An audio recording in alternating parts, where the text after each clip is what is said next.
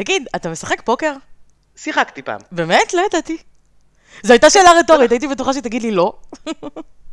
הפסדתי אוקיי. הרבה הרבה מהכסף שלך בפוקר. מהכסף שלי? שיחקת על הכסף שלי? מאיפה הייתה לך גישה לכסף שלי? זה- זה ביני לבין הכסף שלך. אוקיי. תקשיב, אז אם אתה יודע לשחק פוקר, אז אתה יודע שהרבה פעמים אתה מקבל איזה יד, נכון? מחלקים לך קלפים, אתה מקבל איזה יד, ו... ויש הרבה אנשים שאומרים, אוף, איזה יד קיבלתי, כאילו, אני לא יכול לעשות כלום עם היד הזאת. בטח. יופי. אם אתה זוכר, היה, היה לי פעם חבר שהיה משחק פוקר, ואצלו זה היה ממש בולט, שלא משנה איזה קלפים הוא היה מקבל בחלוקה הראשונית, מה שהיה משנה זה מה הוא היה עושה איתם ואיך הוא הגיב להתפתחויות בזמן המשחק. אפילו אם היה מקבל יד עלובה, בסוף הוא היה יכול לנצח ולגרוף את כל הקופה. האמת שבפוקר זה באמת אה, יכול להיות, כי בפוקר את יודעת, גם זה, יש בלוף, ויש פה, ויש שם, ואתה יכול אה, לעשות כמעט הכל. אבל אה, נכון, נכון, אני מסכים, זה, זה הכל תלוי מה את עושה עם מה שאת מקבלת. יופי. אז איך זה קשור לפודקאסט שלנו? אין לי מושג, את הולכת לעשות פרק על פוקר? אז אות ותגלה. לצאת מהמקרר, סיגל סיירס ואהרון אדלר מדברים בריאות. אז באמת, כמו בנושא של הפוקר, שאתה יכול להתחיל מאיזה יד מסוימת שאתה מקבל ולעשות איתה אחר כך דברים אחרים שישנו את כל התמונה, אותו דבר זה בנושא שנוהגים לקרוא לו תורשה מול סביבה, או nature versus nurture. היום ידוע שלסביבה יש השפעה מאוד חזקה על הבריאות שלנו, לא פחות ואפילו יותר מאשר לתורשה.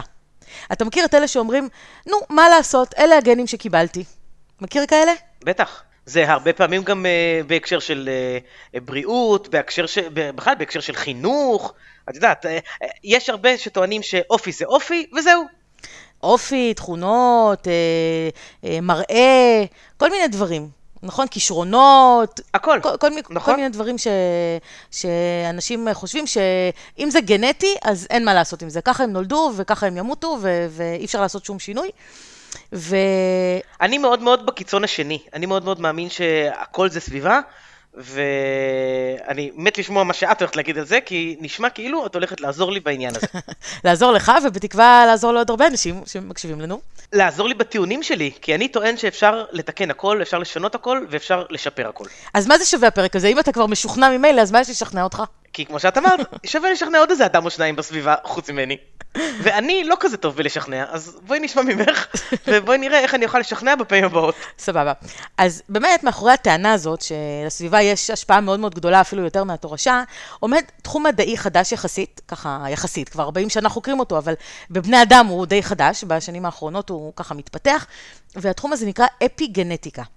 אני התוודעתי לתחום הזה לפני איזה כמה זמן, ומאז אני עוקבת אחריו די באדיקות, כי זה פשוט מפוצץ את המוח. אה, באנגלית זה נשמע יותר טוב, blows my mind. כן, באנגלית זה יותר טוב.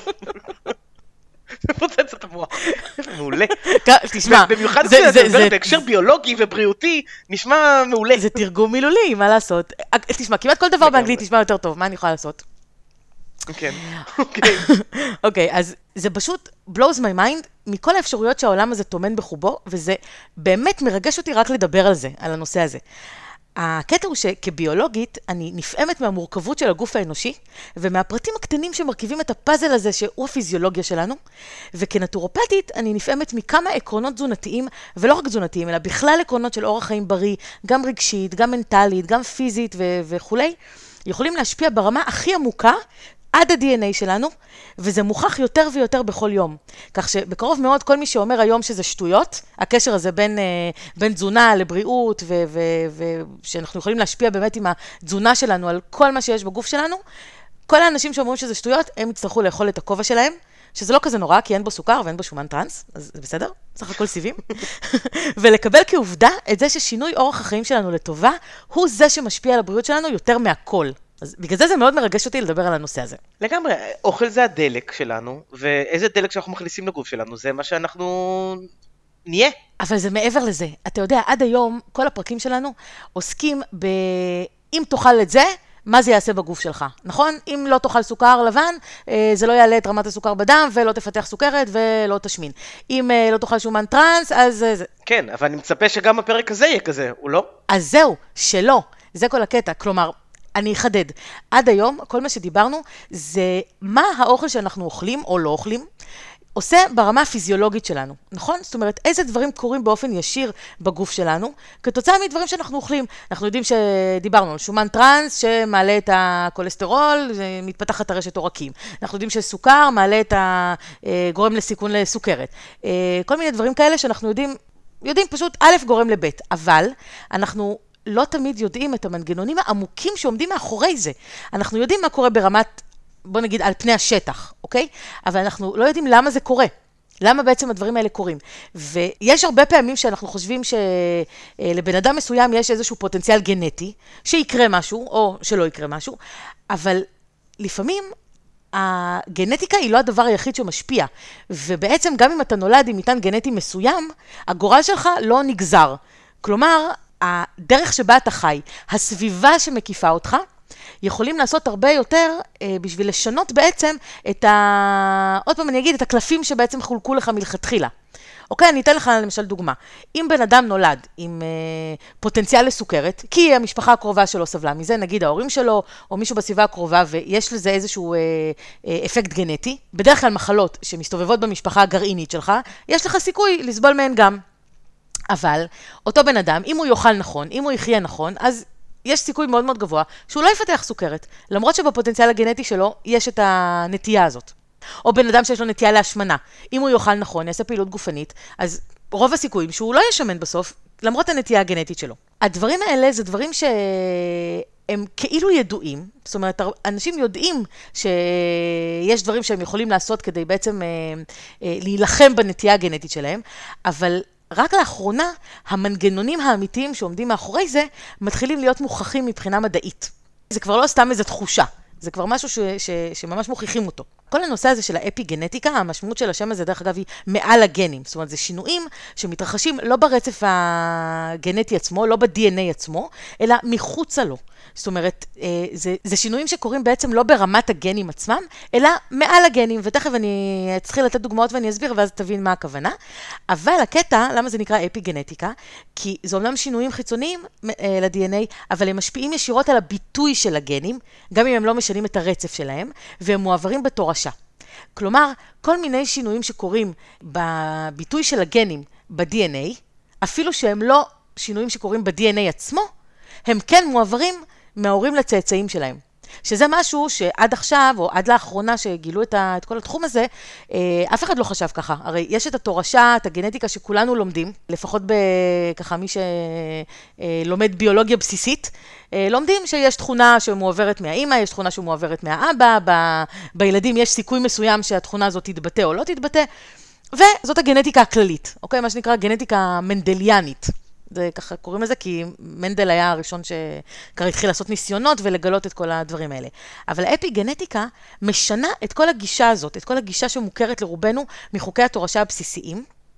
ובעצם היא אומרת שהתכונות שלנו לא נקבעות רק מהשילוב של ה-DNA בין מה שמועבר אלינו מהאימא ומה שמועבר אלינו מהאבא, אלא יש עוד דברים שמשפיעים על הביטוי עצמו של הגנים שנמצאים ב-DNA הזה. אז בעצם את אומרת שאנחנו יכולים עם הסביבה שלנו, תזונה וכל מה שקורה לנו, לשפר או חס וחלילה להרוס אה, לצאצאים שלנו, לילדים ולנכדים וכל נכון. זה, כי אנחנו בעצם משפיעים על המטען הגנטי שנעביר להם. אנחנו לא משפיעים על המטען הגנטי, אנחנו משפיעים על הביטוי של המטען הגנטי. זאת הדרך הכי טובה בעצם אה, לחדד את זה ולהגדיר את זה. עכשיו, בואו נתחיל מההתחלה. בגוף האדם יש בערך 20 אלף גנים, שהם נמצאים כולם בכל תאי הגוף. כי בעצם איך ה-DNA מגיע לתאי הגוף שלנו? אנחנו מתחילים מהביצית המופרית, שמכילה את ה-DNA של האימא ואת ה-DNA של האבא, ומתוך התא האחד הזה, מתחילים להתחלק עוד ועוד ועוד ועוד אה, תאים, עד שנוצר העובר השלם. אז בעצם, כל התאים של העובר מכילים את אותו סט DNA שהיה בתא הראשוני, בתא הביצית המופרית, נכון? נכון. אנחנו יודעים שברגע שהעובר מתפתח, ואחר כך האדם מתחיל לגדול ולהתפתח, אז כל הגוף שלנו מורכב מרקמות שונות ומאיברים שונים. אז איך זה יכול להיות שאם מיטה אחד, שהיה בו סט DNA אחד, יש לנו ידיים ורגליים ורקמת עור ורקמת מוח ורקמת שרירים ושלד, אה, הרי זה, זה רקמות שונות ותאים שונים שעושים דברים שונים. אז איך זה יכול להיות שהם עושים דברים שונים אם הם התחילו כולם מאותו תא? כי הם אחר כך מקבלים התמחויות והופכים לתא ספציפי. איך? איך? אז בשביל זה יש אותך, את תסבירי. אוקיי, אז זה נכון. זה באמת מה שאנחנו תמיד uh, לומדים בהתחלה, שיש תהליך שנקרא דיפרנציאציה, ובאמת uh, יש uh, כל, כל תא ב-DNA שלו uh, מתבטאים גנים אחרים. זאת אומרת, יש לנו מה שנקרא את כל, ה, את כל הרצף, את כל התשתית, אבל בכל תא מתבטאים גנים אחרים, ככה שבתא שריר יש uh, ביטוי של גנים שנגיד uh, מייצרים חלבונים שמתכווצים, אוקיי? שזה מה ששריר אמור לעשות. בתא של בלוטת הלבלב למשל, יש תאים שיודעים להפריש אינסולין, אוקיי? שזה משהו שלא קורה בתא השריר. עכשיו, כשיש לנו בעצם את כל התאים, כדי שבכל תא יתבטאו גנים אחרים, אז אנחנו בעצם צריכים שתהיה איזושהי אפשרות להשתיק או להדליק את הגנים, את הביטוי שלהם, בכל תא. כי אנחנו רוצים בעצם בתא, נגיד של לבלב, להשתיק את הגנים שרלוונטיים לתא של שריר, ובתא של שריר, להשתיק את הגנים שרלוונטיים לתא של לבלב. ובהתאמה גם להדליק את הגנים הנכונים, את הרלוונטיים. נכון, אז איך זה קורה? קודם כל, בוא, אז אנחנו מכירים בעובדה שזה קורה באמת, ושיש איזושהי דרך להדליק ולכבות גנים ספציפיים, למרות שהכל נמצא ב-DNA, אוקיי? כל הגנים נמצאים ב-DNA. באמת, יש לנו בגוף כל מיני תכונות, תכונות תורשתיות. שאנחנו לא יכולים לשנות אותן. כל מיני תכונות מולדות, כמו צבע העיניים שלנו, צבע עור, סוג השיער שיש לנו. למרבה הצער, הייתי מאוד רוצה לשנות אותו, אבל לא תמיד אפשר.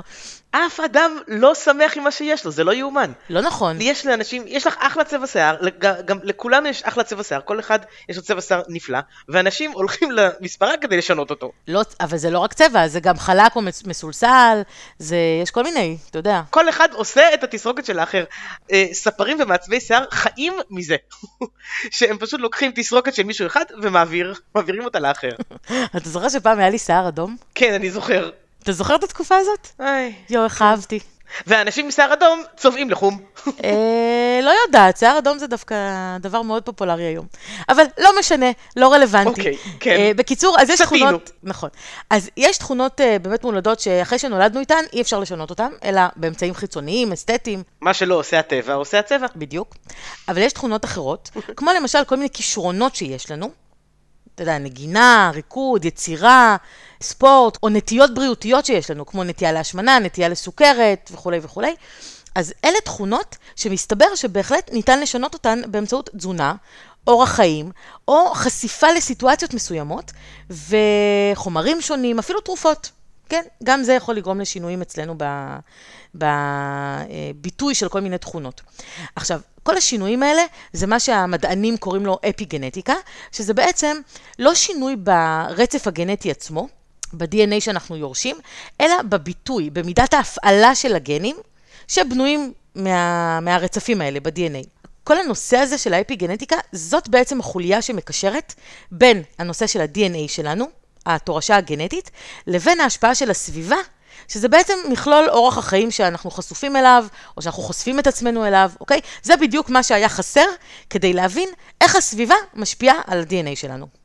בגלל שהתחום הזה יחסית חדש, אז רוב ההוכחות מגיעות ממחקרים בבעלי חיים ובתאים אנושיים במעבדה, אבל בהחלט ניתן להסיק מזה מסקנות, כי אה, הרבה פעמים ככה מתחיל כל מחקר, ובסוף אנחנו מגלים את אותם דברים, אה, ברוב הפעמים מגלים את אותם דברים גם באנשים. הבעיה שאפי גנטיקה זה משהו שדרוש בשבילו מחקר מדור לדור. כאילו, כדי שאנחנו נראה את ההשפעה באמת, אז uh, אנחנו רוצים לראות מה קרה לאימא, אחרי זה מה קורה לילד, אחרי זה מה קורה לנכד. Uh, זה בעצם הנושא. ו... נכון, אז קשה לראות את זה על בני אדם. זהו, קשה לראות את זה על בני אדם, זה לוקח הרבה הרבה זמן, זה משהו מאוד ארוך, מאוד מורכב, אבל זה גם כבר קורה. זאת אומרת, כבר יש תוצאות ראשוניות של, ה... של הדברים האלה. הנושא הזה של האפיגנטיקה, זה משהו שהרבה פעמים משתמשים בו כדי להסביר למה משהו שקורה לדור מסוים, משפיע על הדורות הבאים. אחת הדוגמאות הכי, הכי ידועות זה הדוגמה של השואה. אנשים שהיו בשואה והיו ככה חשופים לכל הזוועות והעינויים והמחנות הריכוז וכל הדברים שקרו בשואה, ליהודים, הדורות הבאים שלהם, יש להם כאילו מין זיכרון תאי למה שההורים שלהם עברו, למרות שהם עדיין לא היו אפילו בתכנון. אבל למה את מתכוונת זיכרון תאי? זה אנשים שהם בעצם סובלים מכל מיני אה, אה, הפרעות כלשהן, או טראומות מסוימות, למרות שהם עצמם לא חוו אותן, אלא רק ההורים או ההורים של ההורים שלהם חוו אותם, אבל עדיין הם עצמם מתנהגים היום בצורה מסוימת שמעידה על כך שיש להם את הטראומה הזאת עמוק בפנים. השאלה היא, האם את מדברת על שינויים פיזיולוגיים ועל כל מיני התבטאויות אה, בריאותיות, או שאת מתכוונת לכל מיני דברים פסיכולוגיים, שזה את יכולה להניח שבבית אה, עם היסטוריה של שואה, אז מן הסתם את יודעת, היה דיבורים על זה, היה סיפורים על זה, ו, אה, ויכול להיות שאותן... אותן תופעות שאת מדברת עליהן נבעו בעצם מדיבורים על זה, או התנהגויות מסוימות. אז גם זה נכון וגם זה נכון. עשו, אה, הייתה מישהי שעשתה מחקר על העניין הזה, ועשו מחקר על 32 אה, גברים ונשים יהודים, שזה אומנם לא הרבה, כי, אתה יודע, כבר לא נשארו הרבה מאלה שהיו כן. בשואה, אבל uh, עדיין זה היה מחקר מאוד מאוד uh, uh, מדויק, וראו שבעצם, uh, השוו בעצם את, הילד, את הגנים של הילדים, של אותם אנשים שהיו אז בשואה, והשוו אותם למשפחות יהודיות שלא חיו באירופה בזמן המלחמה. וראו שבגנים של הילדים היו שינויים שהמסקנה הייתה שהם יכולים להיות משויכים אך ורק לחשיפה של ההורים שלהם לשואה. מעניין. כן, ממש בדקו את, הנושא הזה, והמסקנה הייתה שהטראומה הזאת ממש הועברה מההורים שהיו בשואה לילדים, וראו את השינויים בגן שקשור ללחץ, לסטרס. אוקיי? לגן שקשור לאיך בעצם הסטרס משפיע על הדרך שאותם ילדים יתמודדו עם הסביבה. זה מחקר שבאמת טוענים שהוא מוכיח באופן אה, די חד משמעי את העובדה שאפילו טראומות זה משהו שיכול להיות מועבר מדור לדור. שזה, תסכים איתי, די מרתק. הנושא הזה. זה מרתק ומעניין לקרוא את זה, את המאמר הזה, בגלל ששוב, אה, אני לא יכול שלא להסתכל על האספקט של, אה, האספקט הפסיכולוגי שהאם זה נבדק בצורה אה, מניחה את הדעת, שבאמת זה לא עבר בצורה סיפורית או בצורה של, של אה, אה, תיאור ההיסטוריה, אלא באמת על ידי המופע הגנטי. הביטוי של המטען הגנטי. אני אזכיר לך את, את ההתחלה של מה שאמרתי, זה מחקר גנטי שנעשה. זה לא כן. שבדקו אנשים איך הם התנהגו, זאת אומרת, בדקו איך הם התנהגו, כן, אבל בדקו את השינויים הגנטיים שנעשו. כן, אבל בכל זאת את אומרת שזה בהקשר של uh, הגן שמשפיע על הלחץ. של הסטרס, כן, כן, כן. ולכן בכל זאת יש איזשהו קשר פסיכולוגי פה. ברור, מעניין לי, מעניין ברור שיש קשר פסיכולוגי, אבל אם אתה זוכר, כשדיברנו על, ה, על הנושא של הסטרס, פרק 7, אני מזכירה לך. יש לך מיפוי בראש של כל פרק ואיזה מספר הוא, זה חזק. אתה רואה, אתה רואה. אה, לא, אני אומרת את זה גם למאזינים, כדי שאם הם רוצים לחזור לשמוע את הפרק של הסטרס, אז הנה הזדמנות טובה להזכיר אותו. אז בפרק הזה הרי כן, דיברנו אוקיי. שהנושא של הסטרס הוא לא משהו רק פסיכולוגי, הרי זה משהו פיזיולוגי לחלוטין. דיברנו על כל נכון. העניין של נכון. הקורטיזול, כן, לא, אה, נכון, כל הציר הזה של ההיפותלמוס, היפופיזה, אדרנל, כל הנושא הזה. ברור, אבל... אוקיי, אז מי מפעיל? מפעיל, את מי מפעיל, את, נפש, מי כן? מפעיל את הדברים האלה? זאת. גנים. אבל שוב, זה מעגל, כן? קשה להגיד מי מפעיל את מי. או שאפשר לא, להגיד, לא, ואני לא, לא, לא יודע לא, את זה, לא. כי אני לא תמיד ביולוג. אפשר להגיד, תמיד, הכל מתחיל מהגנים בסוף. הגנים זה הקוד שעל פיו הגוף שלנו עובד. זה תמיד מתחיל משם. אבל את מסכימה איתי ש... ש... כל הפרק הזה בעצם של עכשיו מראה על איך שאנחנו משפיעים על הביטוי של, נכון, של הגנים, אבל, נכון? אבל מה שאנחנו אז, עושים, אנחנו משפיעים קודם כל ברמה הגנטית, ואז ברגע שזה מושפע ברמה הגנטית ושם נעשה השינוי, אז הכל עובר לתוך הגוף, ובעצם אה, אה, בא לידי ביטוי בצורה פיזיולוגית. אבל זה מתחיל קודם כל משם. אוקיי, סבבה, קיבלתי. דרך אגב, יש עוד דוגמאות, אה, עשו מחקרים שהראו כל מיני קשרים בין ההתנסויות של דור ההורים להשפעה על דור הבנים, כמו למשל בנות שנולדו לנשים בהולנד, שהיו בהיריון במהלך הרעב הגדול בסוף מלחמת העולם השנייה, היה סיכון גבוה מהממוצע לפתח סכיזופרניה לבנות שלהן. או למשל, אה, במקרה אחר, גברים שעישנו במהלך שנות הפוריות שלהם, נולדו להם תינוקות כבדים יותר מאלה שלא עישנו. אז יש מחקרים שמראים את ההשפעה של הסביבה או של ההתנהגות של ההורים על הילדים. אני רוצה להזכיר לך שגם בתקופת התנ"ך היה קשר, אבות אכלו בוסר ושיני בנים תקנה. אה, נכון. כן, זה האפיגנטיקה הראשונה. אה, חוכמה עתיקה. לגמרי. אז איך זה קשור באמת אלינו? אז אנחנו, כמו שאמרתי, מדברים במשך הרבה פרקים על הקשר בין אורח חיים בריא לבין מניעת תחלואה ברמה הפיזיולוגית. והיום מתחילים לגלות את ההוכחות לקשר הזה גם ברמה המולקולרית והגנטית. עכשיו, יש כמה מנגנונים מאוד מורכבים שדרכם עובדת האפיגנטיקה, ומכיוון שאני מנסה להסביר את זה לך, אז אני אנסה לפשט את זה, כי אני רוצה שתבין בסופו של דבר. אז אני אסביר את זה במילים פשוטות. תודה, איזה כיף, אני מעריך את זה. אוקיי. תסבירי לאט, שאני אבין. אני אסביר לאט, ואם אתה לא מבין. אז תגיד לי ואני אחזור.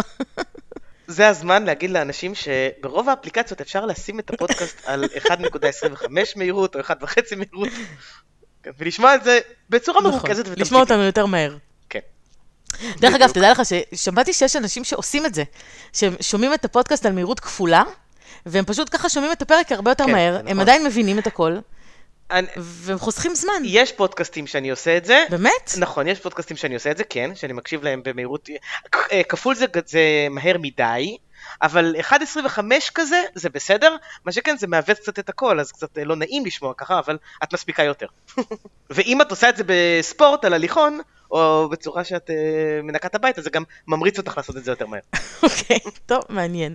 בסדר, אני מעדיפה לשמוע את הפודקאסטים שלי בקצב רגיל, אבל בסדר. אה, לא, כי אני אגיד לך למה, כשאני עורכת את הפרקים שלנו, אני מרגישה שאני גם ככה מדברת מהר מדי, אז אם אני אשים את זה על יותר מהר, אז בכלל אף אחד לא יבין שום דבר. כן, אבל אל תשכחי שרוב המאזינים מתעלמים ממה שאת אומרת ומקשיבים רק למה שאני אומר. אז את, את יכולה להבין את הרווח ולעשות את זה על מהיר יותר. אתה חושב שיש, אה, שיש אה, פיצ'ר שמאפשר להריץ מהר יותר רק אה, צד אחד שמישהו מדבר ואת הצד השני להשאיר רגיל? אם לא, אז זה אחלה סטארט-אפ. אז, אה, אז ככה, אז כמו שאמרנו, יש כל מיני שינויים אה, ומנגנונים שדרכם האפיגנטיקה עובדת, ואני באמת אה, אנסה להגיד את זה כמה שיותר פשוט, אבל זה מנגנונים באמת מאוד מאוד מסובכים. אז מנגנון אחד נקרא מטילציית DNA, שזה המנגנון הכי נחקר נכון להיום, שבמנגנון הזה בעצם יש קבוצות של אטומים אה, ספציפיים, זה נקרא קבוצות מטיל, שהן נקשרות ל-DNA וגורמות לכיבוי או הדלקה של ביטוי גנים. זה פשוט נקשר לרצף ב-DNA, אה, כל מיני רצפים ב-DNA, וזה מדליק ומכבה גנים מסוימים. זה מנגנון אחד. מנגנון שני זה שינויים במבנה המרחבי, שבו מסודרים סלילי ה-DNA בתוך הגרעין של התא, שגם הסידור הזה משפיע על אה, ביטוי גנים, כי זה בעצם מאפשר או לא מאפשר גישה של כל מיני חומרים שדרושים להפעלה של גנים מסוימים. תלוי איך ה-DNA הזה מסודר במרחב, וככה חומרים מסוימים יכולים אה, להגיע לכל מיני גנים או לא להגיע אליהם. עוד מנגנון זה שינויים בדרך שבה סלילי ה-DNA מקופלים בתוך המבנה המרחבי שלהם, זאת אומרת, זו רמה אחת למטה, אוקיי? וגם זה משפיע על היכולת uh, של כל מיני חומרים לגשת אליהם, ולכן זה משפיע על, על הביטוי של גנים מסוימים. ולאחרונה גילו עוד, uh, עוד איזשהו מנגנון, שזה מולקולות מסוג מיקרו-RNA, ש-RNA זה בדרך כלל חומרים ש... זאת מולקולה שבעצם התפקיד שלה לגרום להיווצרות של חלבון, על פי קוד מסוים ב-DNA, זאת איזושהי מולקולת ביניים. ואז ראו שיש מולקולות מסוג מיקרו-RNA, זאת אומרת RNA קטן, שהן יכולות להיקשר למולקולות ה-RNA האלה שאמורות אה, להיות איזשהו קוד לייצור חלבון על פיהן, ובעצם אה, להרוס אותן. זה שהן נקשרות לקצה שלהם, בעצם זה גורם להם אה, להתמסמס ו- ו- ולא לעבוד. אז מן הסתם זה גם משהו שמשפיע על הביטוי של גנים, בסופו של דבר. כל השינויים האלה זה בעצם שינויים מולקולריים. והשאלה היא איך הסביבה החיצונית בעצם מגיעה להשפיע על השינויים האלה. הרי אנחנו מדברים פה על הסביבה, שהיא מחוץ לגוף שלנו, ואנחנו מדברים על שינויים מולקולריים שהם בתוך התאים שלנו. אז איך יש קשר בין הדברים האלה? אז מסתבר שבתזונה שלנו יש חומרים בעלי פעילות ביולוגית, מה שנקרא ביו-אקטיב, שהם יכולים לשנות ביטוי של גנים באמצעות השפעה על המנגנונים האלה, כמו למשל על המטילציה של ה-DNA או על המבנה המרחבי של ה-DNA, והיו כבר כאלה שהציעו שהתחום הזה יקרא בעתיד דיאטה אפי-גנטית. זאת אומרת שיהיה ממש אפשר לתת איזשהו תפריט תזונתי, שיכיל כל מיני חומרים שאנחנו יודעים שיש להם השפעה ברמה האפי-גנטית, והם יעזרו לנו להילחם בכל מיני מחלות, אה, אה, השמנה, כל מיני דברים כאלה. מגניב. נכון, מסכימה איתך, זה ממש ממש מגניב. מכאן ההתרגשות שלי. אה, עכשיו, התהליך הזה קשור בנוכחות של כל מיני דברים בתזונה שלנו שאנחנו מדברים עליהם כל הזמן, וראו שהם ממש משפיעים ברמה המולקולרית, כמו למשל ויטמין B6, אה, ויטמין B12, חומצה פולית, חומצות אמיניות מסוימות, חומצות אמיניות זה אבני הבניין של החלבונים, אה, כמו מתיונין, סרין, ציסטאין, גליצין, זה שמות של חומצות אמיניות. וכשאחד מהחומרים האלה חסר, אז תהליכים כאלה, כמו מטילציית DNA וסידור המבנה המרחבי של ה-DNA, משתנים. עכשיו, ראו שגם צריכה כרונית של אלכוהול יכולה לגרום לשינוי התבנית האפי-גנטית, באמצעות בזבוז של כל מיני חומרים שצריך בשביל לעשות את השינויים האלה. ולמשל, אם אין מספיק ויטמיני B, זה גם יכול לגרום לשינוי התבנית האפי-גנטית. אה, עוד דוגמאות מדברים שדיברנו עליהם בעבר, ו- ורואים ממש איך הם משפיעים ברמה המולקולרית, זה למשל EGCG, אם אתה זוכר אותו. כן. הוא הפוליפנול העיקרי בתה ירוק, שאנחנו מכירים אותו כאנטי-אוקסידנט. אז הוא יכול גם להוריד את הרמה של המטילציה של ה-DNA בתאים סרטניים, באמצעות עיכוב האנזימים שאחראים לתהליך הזה, והוא גם מעכב את ההתרבות שלהם, של התאים האלה. אז הנה הוכחה ממש ממש מולקולרית למנגנון שבו ל-EGCG יש פעילות אנטי-סרטנית, כמו שאנחנו תמיד אומרים. נכון. אז זה לא סתם להגיד, אה, הוא אנטי-אוקסידנט, הוא נלחם ברדיקלים חופשיים, יופי, אלא ממש רואים שלמולקולה הספציפית הזאת יש השפעה על המנגנונים האפי-גנטיים ועל השגשוג של תאים סרטניים. זה משהו שאי אפשר להתווכח איתו. עכשיו, יש עוד כל מיני חומרים שהראו פעילות אפיגנטית, למשל סלניום, שזה מינרל שנמצא בדגנים ובירקות, בעיקר כאלה שגדלו באדמה שהאדמה עצמה עשירה בסלניום, אז זה עובר לתוך הירקות. אה, אז ראו שהמינרל הזה יכול גם להוריד את הרמה של המטילציה של ה-DNA, והוא מעכב ביטוי של גן שמקודד לאנזים שאחראי למטילציה בתאי סרטן הערמונית ובתאי סרטן המעי, אה, ובחולדות ראו גם בתאי כבד ומעי.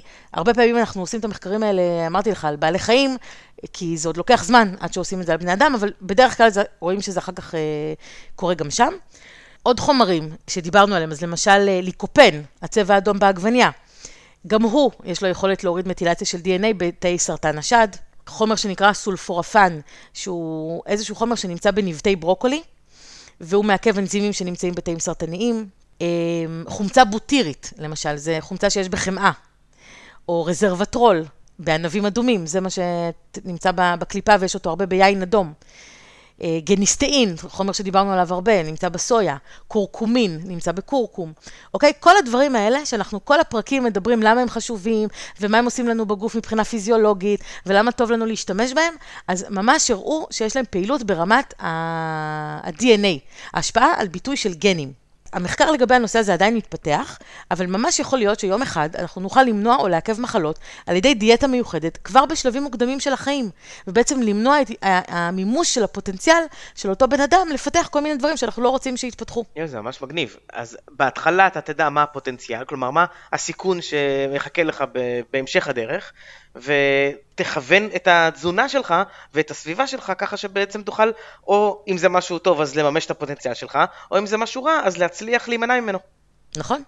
גם עכשיו עם כל, ה, עם כל הנושא הזה של הגנום האנושי, הפרויקט הזה שכבר מיפו את הגנום, ואתה יודע, עובדים על לדעת כל רצף גנטי, מה הוא אומר בעצם, ורצפים של מחלות, וככה אפשר, יהיה אפשר למפות ולהגיד לבן אדם באיזה מחלות אולי הוא יחלה בעתיד, אז זה משהו שאתה יודע, אתה יכול להגיד לו, הנה, אתה, יש לך נטייה לחלות בסתם, נגיד, סרטן אה, המעי הגס, והנה התזונה שאתה צריך לאכול בשביל שזה לא יקרה.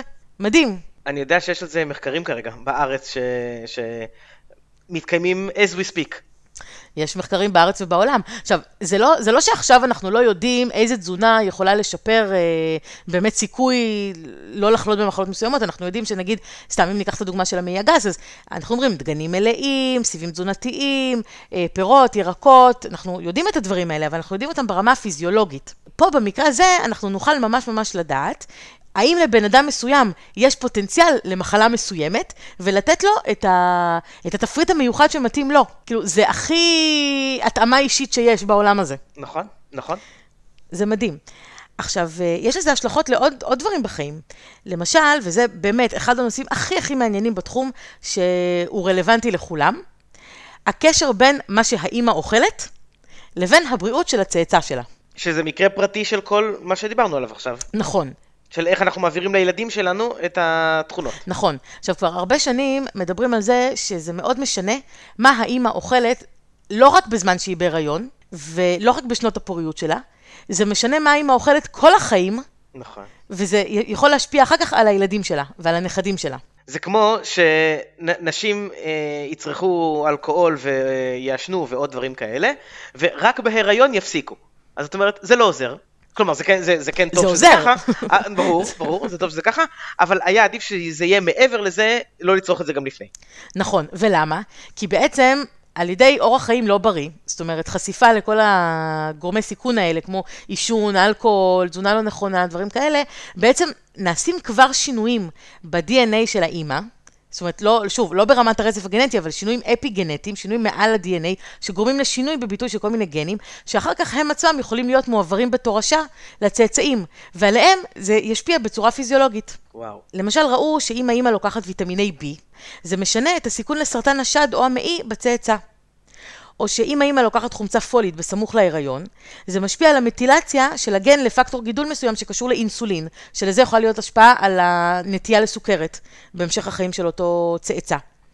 אה, הראו שדיאטה שהיא עשירה או ענייה בחלבונים, יש לה השפעה על המטאבוליזם של הצאצאים בכל מיני חיות, וגם השפעה על המטילציה של ה-DNA ועיכוב ביטוי של כל מיני אנזימים בתאי כבד ובתאי שריר, ששוב, יכולות להיות לזה כל מיני השפעות על החיים שלהם בכל מיני דברים. תראי מה זה, תראי כמה כוח יש לנו בידיים.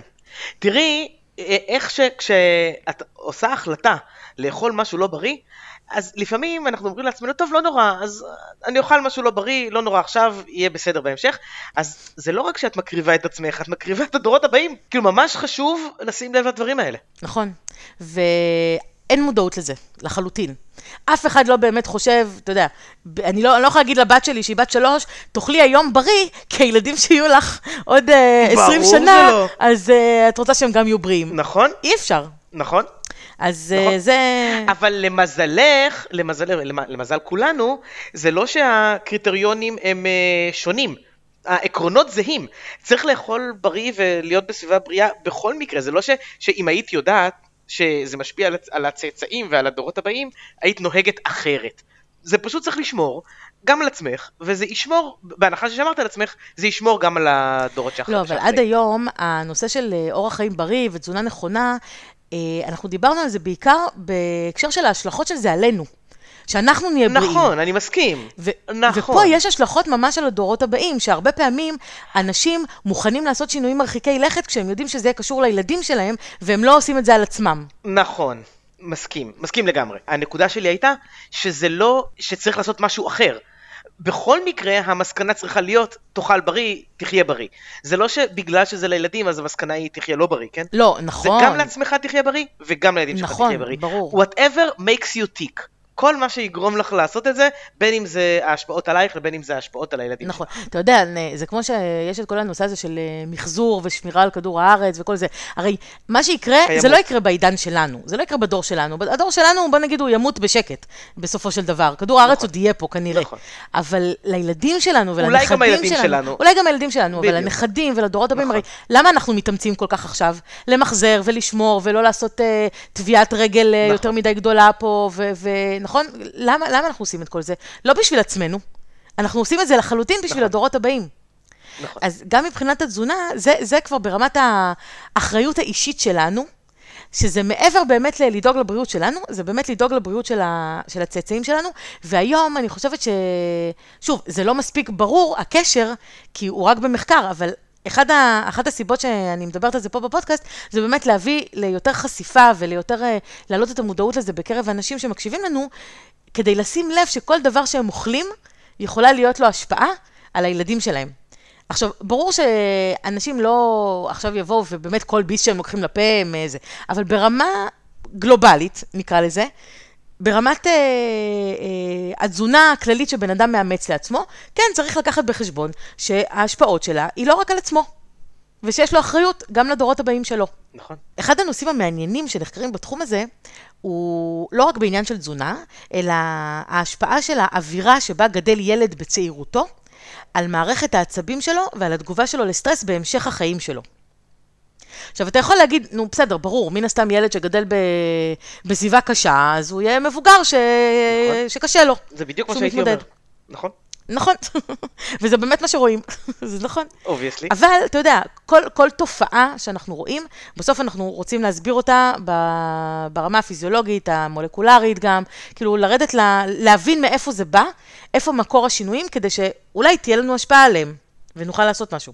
אז למשל, כשישבו חלק במוח שנקרא היפוקמפוס, בין קורבנות התאבדות שעברו התעללות כילדים, לבין כאלה שלא עברו התעללות, ראו שיש בו שינויים אפי-גנטיים, שבסופו של דבר הביאו לשינוי של התגובה לסטרס, שנוצרת על ידי הציר הזה שדיברנו עליו, ההיפותלמוס, היפופיזה, אדרנל, שזה הציר שבעצם גורם בסופו של דבר להפרשה של קורטיזול, שזה ההורמון של הסטרס, וראו את זה גם בעכברים, שכשהם היו צעירים ופחות, אה, קבוצה של עכברים, שפחות ליקקו אותם וטיפחו אותם וככה פינקו אותם כשהם היו עכברים צעירים, בבגרות שלהם, התגובה שלהם לסטרס הייתה שונה מעכברים שכן עשו להם את זה, שכן טיפחו אותם כשהם היו קטנים. אוקיי? אז זה באמת שינויים שאנחנו יכולים לראות בכל מיני בעלי חיים וגם בבני אדם. שוב, אנחנו הולכים פה לנושא הזה של כמה הורים או משפחה צריכים לדאוג שילד יגדל בסביבה שהיא טובה, בסביבה שהיא מטפחת, בסביבה שהיא לא בסטרס והיא לא לחוצה, כדי שבבגרות שלו הוא יהיה בן אדם שהתגובה שלו לסטרס היא תגובה נורמטיבית, ושהוא לא יסבול בסוף מאיזושהי תגובה שתוביל אותו חס וחלילה לכל מיני התנהגויות שאנחנו אה, לא מעוניינים בהן. זה משהו ש... שזה אפילו לא עניין של בין, בין דורות, זה משהו שילד נולד עם, אה, עם אה, תבנית אפי-גנטית מסוימת, וכתוצאה מהסביבה שהוא חי בה, כשהוא ילד, יכולים להיות שינויים שישפיעו על ההתנהגות שלו כמבוגר, ועל החיים שלו בכלל ועל איכות החיים שלו כמבוגר. כן, קוראים לזה פסיכולוגיה. לא, זה מה שאני מנסה לומר, שזה לא רק פסיכולוגי, זה ממש שינויים גנטיים, והוא אחר כך יוכל להוריש את השינויים האלה גם לילדים שלו. כן, זה מעניין. זאת אומרת, אם הילד עצמו יגדל בסביבה לא טובה, יכול להיות שהילדים שלו אה, אה, יהיו מושפעים מהטראומה שהייתה לו. אוקיי. תראה איזה אחריות זה על הורים. נו, ברור, זה ידוע. עוד השפעה אפי-גנטית ראו בתהליך ההזדקנות. שמו לב שכל מיני שינויים אפי-גנטיים, כמו מה שדיברנו ברמת המטילציה של ה-DNA ובמבנה המרחבי שלו, מתרחשים עם הגיל ומשפיעים על כל מיני גנים שקשורים במחלות תלויות גיל, כמו סרטן, וגם בתהליך ההזדקנות עצמו. אז בעצם, בעתיד, אם יצליחו להבין בדיוק איך השינויים האלה קורים, אז יכול להיות שנוכל ממש למנוע מחלות כמו סרטן, או אפילו לעכב את ההזדקנות על ידי תזונה. איזה מדהים זה יהיה. איזה מגניב. מעיין נעורים תזונתי. ממש. במקום כל ההזרקות וכל הניתוחים וכל הדברים האלה, פשוט נכון. ניתן לך, לאנשים תפריט שימנע את תהליך ההזדקנות.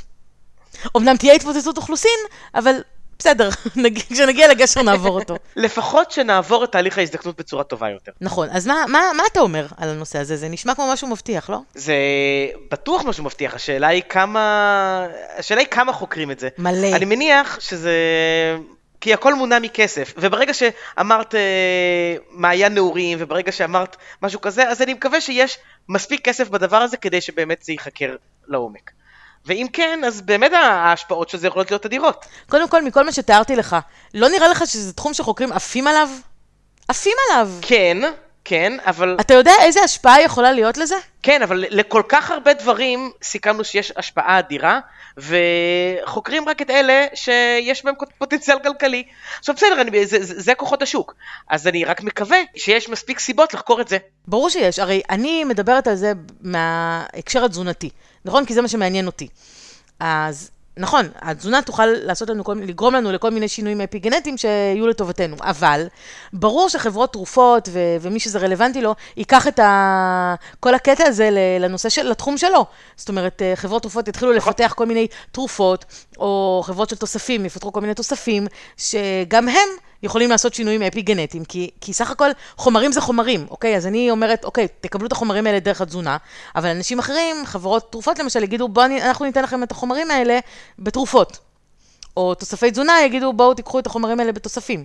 אז כל אחד ייקח את זה לתחום שלו, וכל אחד יבחר אחר כך במה להשתמש.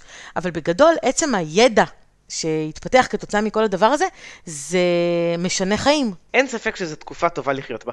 נכון? כי הוא יכול להיות שזו תהיה תקופה טובה יותר כשיגלו כבר את כל הדברים וידעו בדיוק מה זה עושה, ואיך לשנות אותם. בסדר, אבל זה מעניין להיות בתקופה שמחפשים את התשובה הזאת. שמגלים את זה, שמגלים. אז כן. שוב, כמו שאמרתי, זה לוקח המון זמן הרי לגלות את כל הדברים האלה, כי אנחנו צריכים לחכות שהדורות יעברו, וזה לוקח זמן.